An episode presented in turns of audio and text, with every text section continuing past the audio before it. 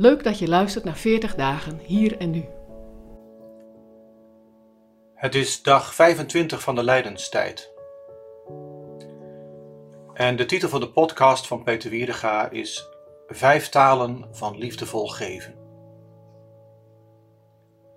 Wat de meesten in de lange lockdown en de beperking van sociaal contact hebben ontdekt, is hoe belangrijk knuffels zijn, bij elkaar zijn en de behoefte om samen dingen te doen.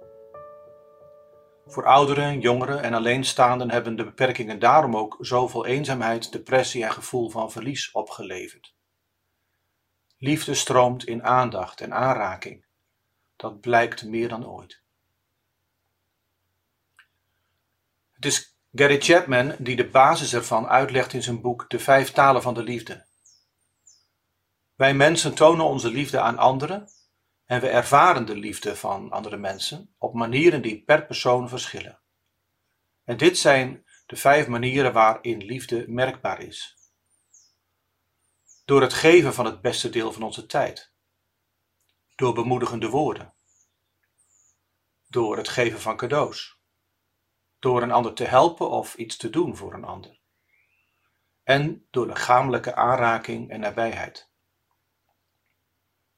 Zo kan een jongere behoefte hebben aan nabijheid en samen dingen doen, terwijl zijn ouders gewend zijn cadeaus te geven en af en toe een compliment. Een vrouw hunkert wellicht naar samentijd, maar haar man denkt dat ze blij wordt van een bos bloemen of een cadeau.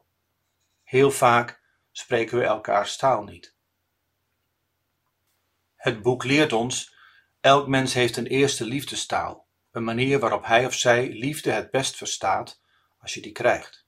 En Elk mens is in staat om liefde te geven die past bij de taal van de ander. En gul geven kan best moeilijk zijn. Een echtpaar worstelt al een jaar met spanning, met slapeloze nachten door kleine kinderen en een depressie van een van hen. Zwarte maanden, met gebrek aan uitzicht op een betere toekomst. En dan wordt het bijna Valentijn. In alle ingewikkeldheid bedenkt de vrouw dat de kinderen naar de oppas kunnen en ze regelt dat. Ook bedenkt ze een plan om samen met haar man te gaan mountainbiken in een bos vlakbij. Samentijd en cadeautijd. Gul geven in zijn liefdestaal. Vooral gul in een tijd waarin ze zelf door de bomen het bos vaak niet ziet. In Lucas 7 zegt Jezus tegen Simon, waar hij te gast is: Zie je deze vrouw? Ik ben in jouw huis de gast. Je hebt me geen water voor mijn voeten gegeven, maar zij heeft met haar tranen mijn voeten nat gemaakt en ze met haar haar afgedroogd. Zo ziet liefde tonen eruit. En wat liefde geven voor gevolgen heeft, lees je ook. Jezus vergeeft de vrouw haar vele zonden omdat ze veel liefde had betoond.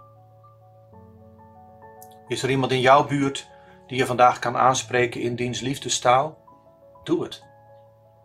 Want gul geven is in beweging komen.